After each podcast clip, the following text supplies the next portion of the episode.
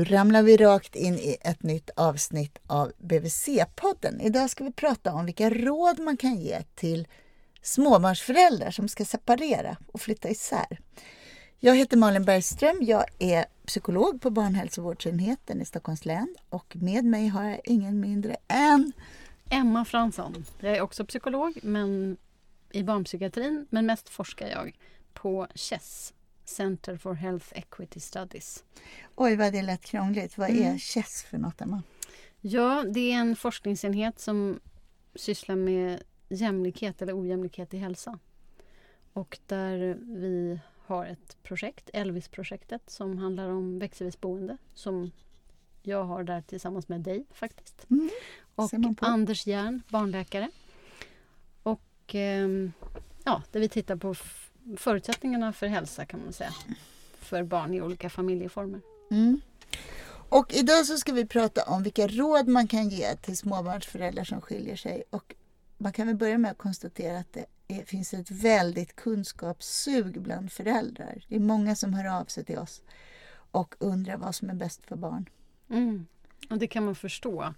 Vi har ju haft en intervjustudie, eh, du och jag. Och när vi pratade med föräldrar så är många väldigt ledsna när de separerar. Att man har förlorat drömmen på något sätt om hur det skulle mm. vara. Att man är ledsen över det och då kommer också massor med frågor. Hur ska man nu göra så att det blir okej okay för barnen i det här jobbiga? Att man inte förstör för dem liksom. Mm. Vad säger du då om hur, hur ska små barn bo? Hur kan man ordna boendet?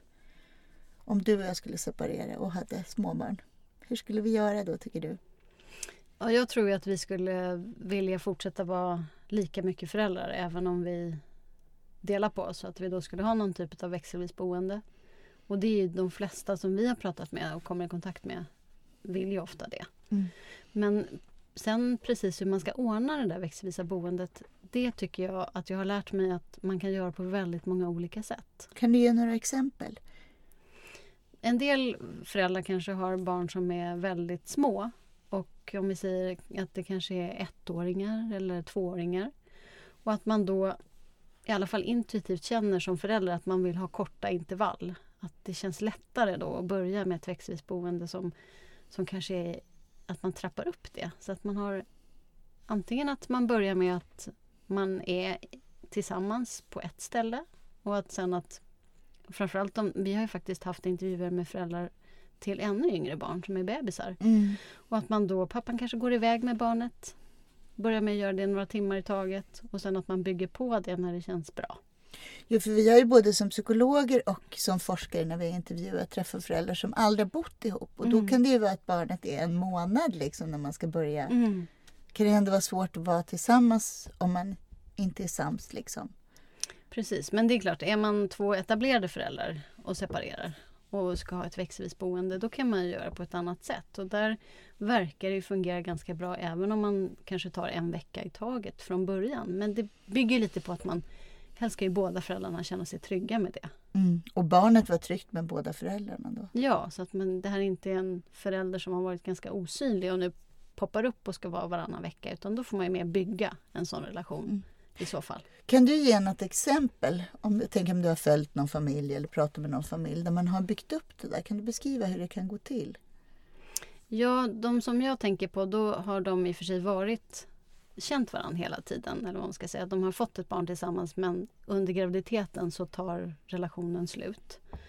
Och att man då ändå har kommit överens om tillsammans att man vill ha växelvis boende när barnet är fött.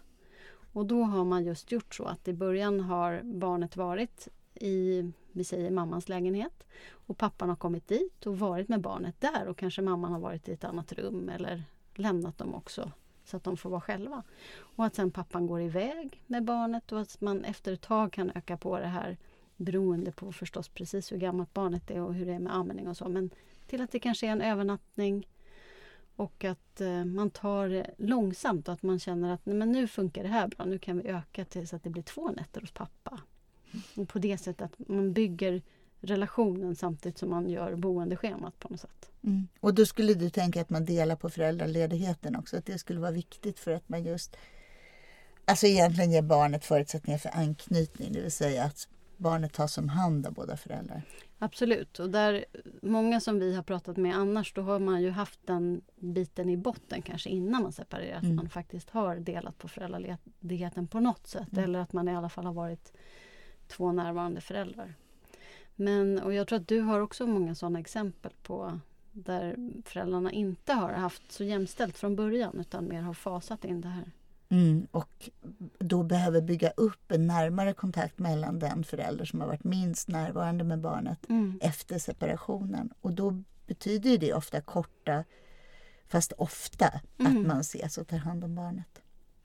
Jag tänkte på en annan aspekt när du sa det där som jag tycker har varit bra att prata med föräldrar om. Och det är att man får en förståelse som förälder för hur, vad föräldraskapet gör med en själv i början. Att man kan ha väldigt stora eller väldigt stark beskyddarinstinkt som förälder. Att man kan uppleva det nästan som en amputation av en kroppsdel och vara ifrån en liten bebis och så vidare.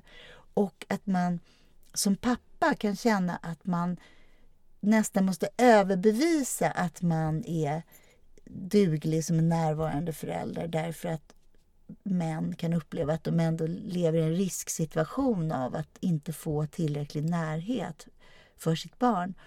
Och jag till sitt barn menar jag. Och jag menar att det där, jag tror att man behöver känna in, liksom känna till de där eh, de där känslorna som man kan ha så att man kan prata om dem. Att nu säger vi att det här är bäst för barn men det är också så att jag känner mig väldigt skrämd av att vara ifrån mitt barn och därför skulle jag vilja att vi tar det här i korta portioner. Mm. Eller jag känner mig väldigt skrämd av att jag inte ska få ett lika starkt och närvarande föräldraskap som du. Och därför behöver jag kontinuerlig påfyllning i det. För ett nytt föräldraskap är ju en ganska känslomässigt utsatt situation. Liksom. Mm. Och det tycker jag kan vara en hjälp om man kan prata om det. Det tror jag är jätteviktigt att det gör det lite lättare också om man förstår vad den andra sitter i för skräckscenario på något sätt. Vad är det man är rädd för? Men det som jag tycker vi har lärt oss i den forskning vi har gjort är ju också att för många så är de här sakerna ändå ganska lätta. Om man, det är klart att är man jätteosams och så, så blir det lite svårare men att många faktiskt hittar fram. Och att det här som känns som en sån oöverstiglig tröskel i början att nu har vi separerat och det här blir nog katastrof och vi kommer förstöra hela våra barns liv.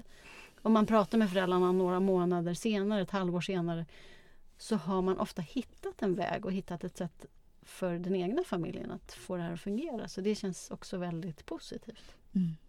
Och det tänker jag är en annan viktig grej att man ska också visa för barn. Och då gäller det de lite äldre BVC-åldrarna när barn, jag tänker kanske fyra, Mm. femåringar, att man behöver ge barnen mycket hopp också i samband med separation. Att oj, nu är det så rörigt och nu är det inte så fint i lägenheten ännu för att vi inte hunnit ordna. Men det kommer vi se till att det blir bra och sådär. Att man kan bekräfta för barn både att det är en rörig period, om det nu är det, och att vi kommer se till så att det blir bra sen. Mm. Det är jätteviktigt att bära framtiden åt barnet i den här situationen som på något sätt är där man kan vara rädd för det. Hur ska det bli? Och framförallt om föräldrarna är rädda för det så är ju barnet också rädd för Mm. det. Hur ska det här gå? Vem ska ta hand om mig och var är min plats? Att man visar för barnet att det här kommer vi ta hand om och vi kommer lösa det på, på något bra sätt. Och även om man själv är rädd och känner sig krisig så kan man lyfta sig i håret när det gäller barnet på det sättet. Liksom. Ja, och också att som du sa att allting måste inte vara perfekt från början och det kan man få tala om att nu är det men vi tror att det här, det här kommer bli bra och vi kommer hitta ett sätt tillsammans. Finns det någonting man ska tänka på när det gäller eh, hur man ordnar... Liksom, alltså du kan börja egentligen kanske med att ge exempel på hur kan såna boendescheman för småbarn se ut? Det också spännande att se att det finns väldigt många olika varianter av hur de här schemana kan se ut. Men det som ett schema som jag uppfattar att många tycker om det är att ha relativt korta men stabila perioder. Man ska säga. Och då kan vi kalla det för ett 2-2-3 schema. Och då kan det vara så att barnet bor med mig måndag, tisdag och med dig onsdag, torsdag och sen med mig igen på helgen. Och sen nästa vecka så har vi tvärtom. Så då är, under en två veckors period så blir det liksom samma. fördelning. Och att man alltså byter flera gånger i veckan då? Ja, precis. Och hur kan man göra om man har längre perioder då? Med barn som längtar? Om man har varannan vecka till exempel för att man tycker att det är bra av olika skäl. Då kan man också kanske bestämma att men på onsdagar när det är din vecka då hämtar jag barnet på dagis och hinner träffa barnet en stund innan det är dags att gå hem till dig igen. Eller om man är på, har en sån relation så att man faktiskt kan träffas då kanske man ses och äter middag hemma hos den ena föräldern, äh, båda föräldrarna för, så att barnet får, får träffa den andra och att det inte blir så lång väntetid. Eller om det är för den delen föräldern som längtar väldigt mycket mm. efter barnet. Det är inte heller helt ovanligt. Det där att man träffas och äter middag ihop, är det viktigt? Ska alla göra det? Liksom? Jag tror att det kan vara bra i de fall där det fungerar men absolut inte att alla ska göra det utan att en, en krystad och spänd stämning middag tror jag kan göra mer skada än nytta, absolut. Utan då får man lösa det här på något annat sätt så att man slipper träffas om man inte kan göra det på ett bra sätt. Kan man byta via förskolan? Eller är det att vara taskig mot barn? Vi brukar ju rekommendera att man byter via förskolan. Och det kan ha flera fördelar. Både att man, om man som förälder inte är så bra på att vara neutrala i varandras sällskap utan att det lätt blir dålig stämning och så som barnet känner av. Då är det bättre att man byter via förskolan så att man inte träffas. Men det kan också vara skönt för barnet att inte behöva säga hej då, gå ifrån den ena till den andra. Det kan vara en ganska jobbig situation för en del barn. Och då är det, kan det vara lättare att ja, men jag lämnar på morgonen och säger att idag hämtar den andra föräldern. Hur kan man... För du sa något om struktur och regelbundenhet i scheman och sådär. Hur kan man förbereda små barn på så att de får ett sammanhang som är förutsägbart och begripligt för dem? Hur kan man hjälpa barn med det? Ja, de yngsta barnen har inte så bra koll på om det är måndag eller tisdag eller sådär kanske. Men eh, ett tips är att man kan till exempel sätta en liten rosett på strumpan eller på byxan eller någonting när det är pappadagar. Så då vet barnet att idag är det pappa som hämtar på förskolan. Eller man kan på olika sätt hjälpa barnet att veta det här för det är ju jätteviktigt att det finns en förutsägbarhet. Att jag inte känner mig helt utlämnad till att någon kanske hämtar mig idag. Det blir, skapar en otrygg situation. Utan att man kan, ja, men precis som med större barn, att de vet nu är det pappavecka så hjälper man det lilla barnet att veta det.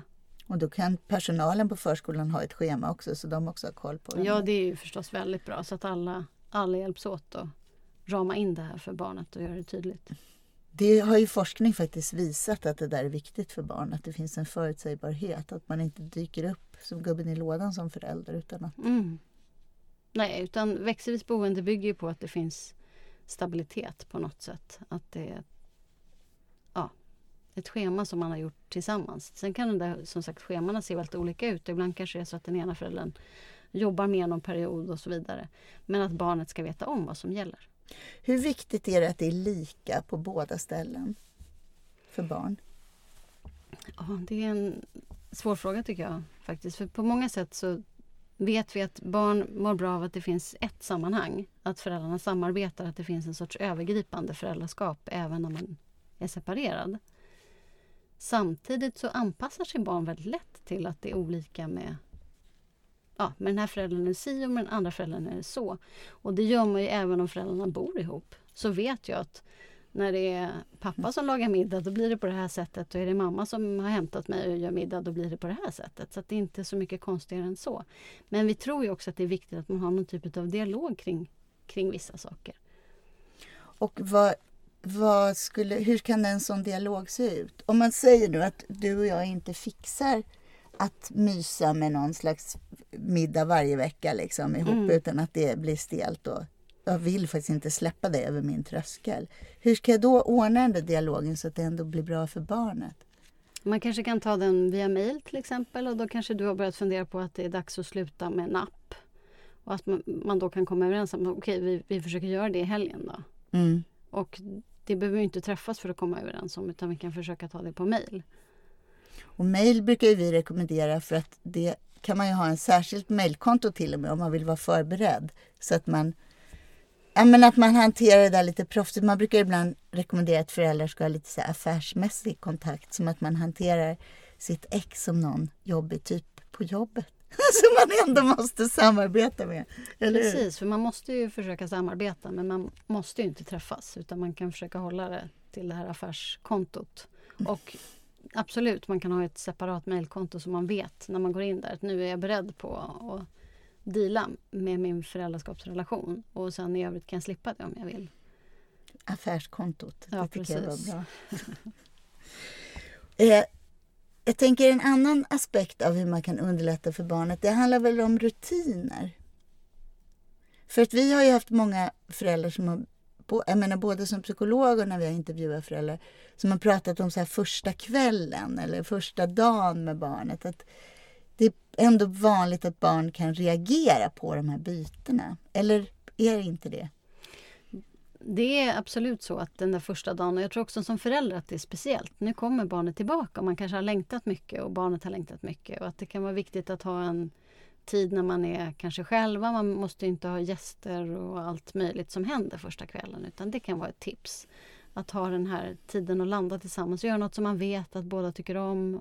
Om det är att läsa böcker eller titta på film eller äta något speciellt. Eller att man är tillsammans och hittar varandra igen. Och sen för en del barn går det där förvånansvärt lätt och smidigt och de har inte så stort behov av det. Men att man i början är beredd på att det där kan vara ett viktigt ögonblick. det kan... jag- Ja, förlåt. Nej, men jag tror också att många föräldrar att det är speciellt. Framförallt om man har en vecka i taget till exempel.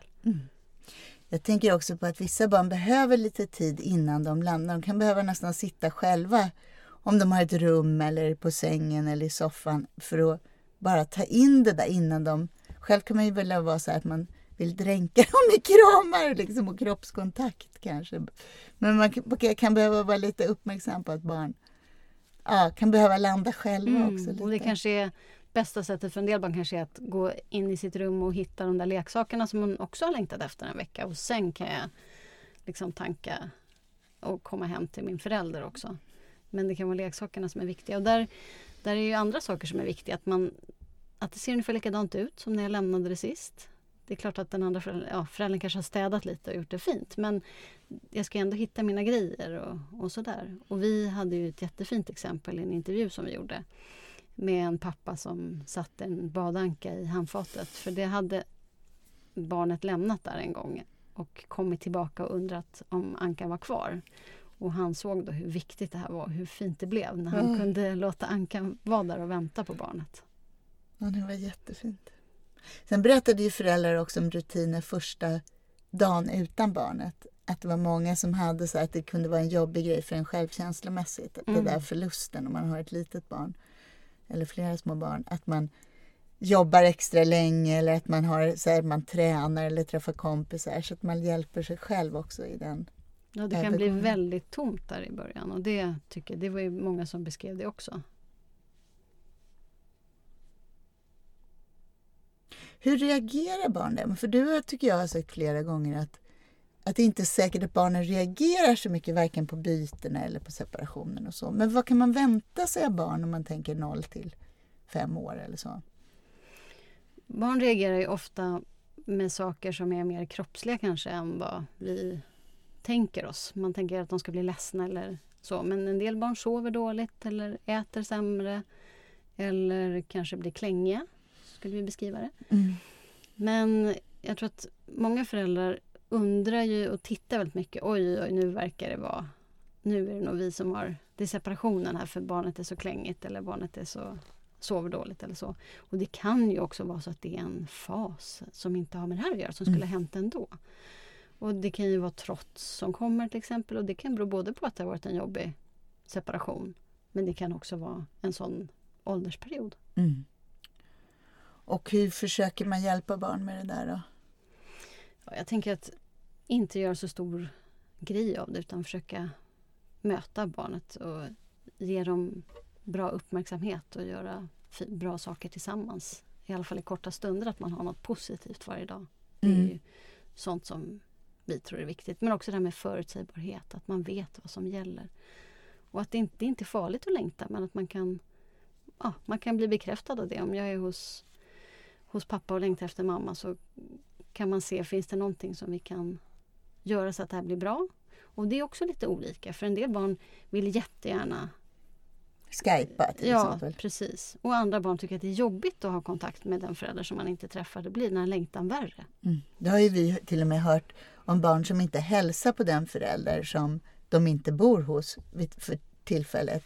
Som, man, som en slags copingmekanism, ett sätt att hantera den här frånvaron. Så låtsas man inte ens se det för det blir så jobbigt att ta in när man möts i mm. mataffären. Liksom.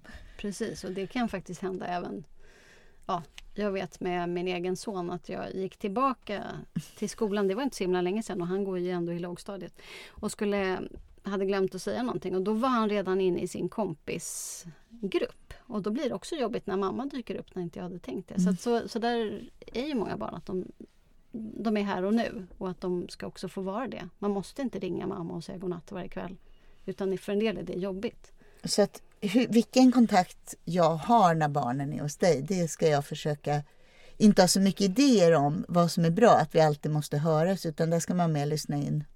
Alltså att barnen får ta initiativ till den kontakten. Eller så. Absolut, det tycker jag är jätteviktigt. Och sen måste det också vara någonting som man som förälder kan hantera.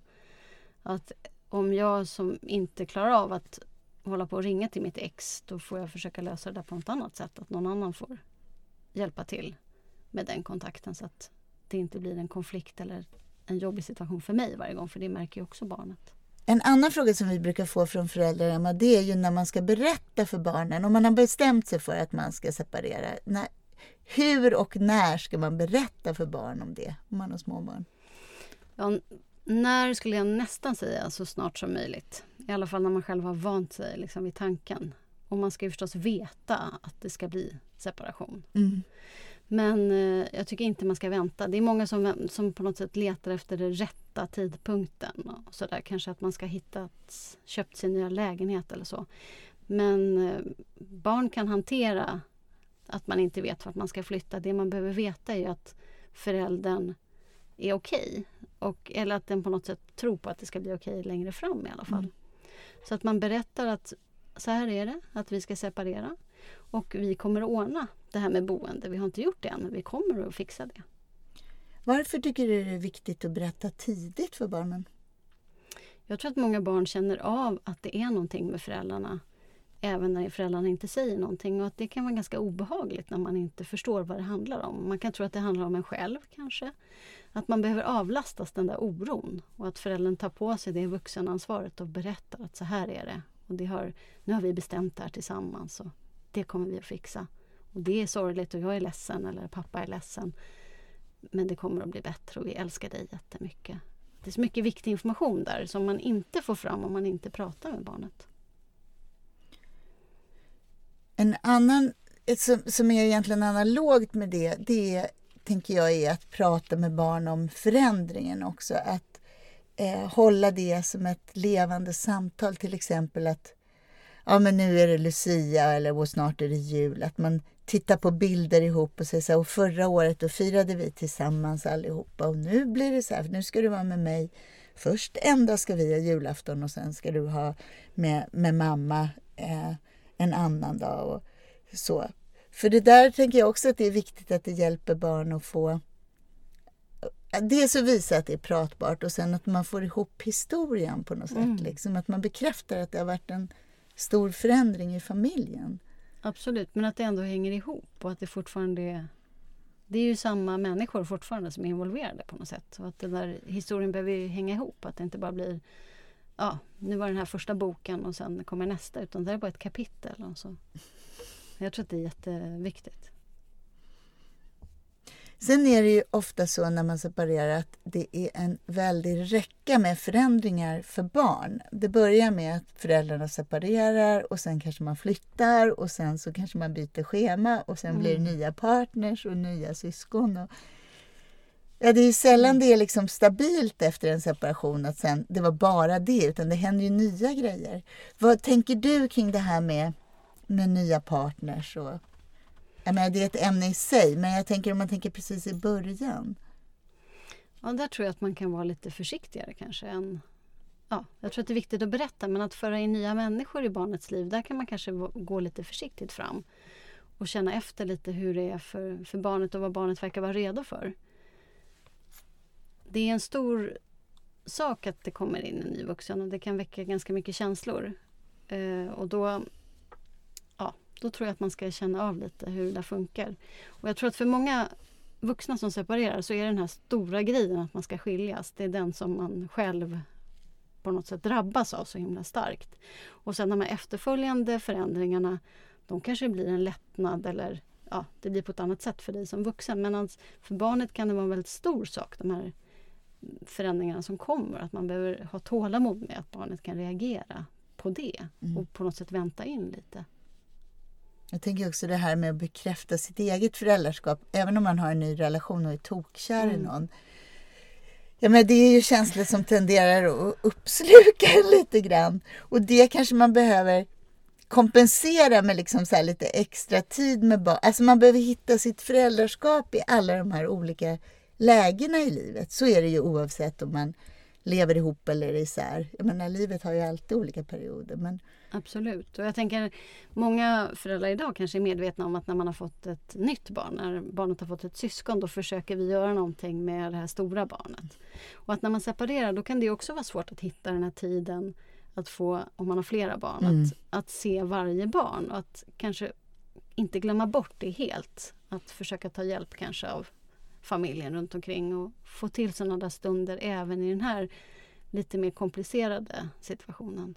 Det är ju det fina tycker jag när man hör barn prata om föräldrars skilsmässor och ja, nya syskon och nya mm. familjer om det kommer in nya vuxna. Det är ju det fint när barn beskriver den här kontakten med föräldrarna, att man förstår tycker jag när man lyssnar på barn att det är det är det de längtar efter och vill ha. Det är egentligen en ganska fin och för en del är det faktiskt så att man får mer egen tid. Om det inte på en gång kommer in massa nya människor. Då kanske jag för första gången har min pappa eller mamma mer för mig själv. För att den andra föräldern inte är där. Och att det finns sådana berättelser från barn som är äldre som också kan vara väldigt fina. Så det är inte bara så att de förlorar någonting utan de kan faktiskt få någonting också i den här separationen. Jag tycker också att man tänker så mycket kring sorg och svårigheter med separationer. När separationer egentligen är en lösning på en situation som är ohållbar. Mm. Att föräldrar skulle skilja sig för lätt, det har jag aldrig stött på, liksom, fast jag har träffat så mycket föräldrar som psykolog. Och jag tänker att man... Det är klart att man inte ska ha någon sån här leende skilsmässa och vi är superkompisar. Det, det är inte det jag menar, men jag menar att det ändå är en lösning på någonting som har gått som inte har funkat. Och ur det ska det ju komma någonting som blir bättre. Det är ju därför man separerar. Absolut, och det finns också forskning på data som är lite äldre där man ser att föräldrar som har hållit ihop men vantrivts med varandra, att de barnen mår inte bra. Så att det är inte så att man bara behöver känna sig som att man gör något jättedåligt utan man kanske faktiskt låter de här barnen slippa en massa grejer genom att man separerar. Är det någonting mer Emma som du tänker man kan ha med sig när man ska råda småbarnsföräldrar som separerar? Det är väl kanske att det finns liksom inte ett rätt sätt. Och man kanske inte måste hitta den perfekta lösningen för ens familj på en gång utan man kan prova sig fram lite. Och eh, de flesta verkar hamna på ett bra ställe efter ett tag. Det tycker jag var fina slutord. Mm. Tack för att du var med idag Emma. Tack.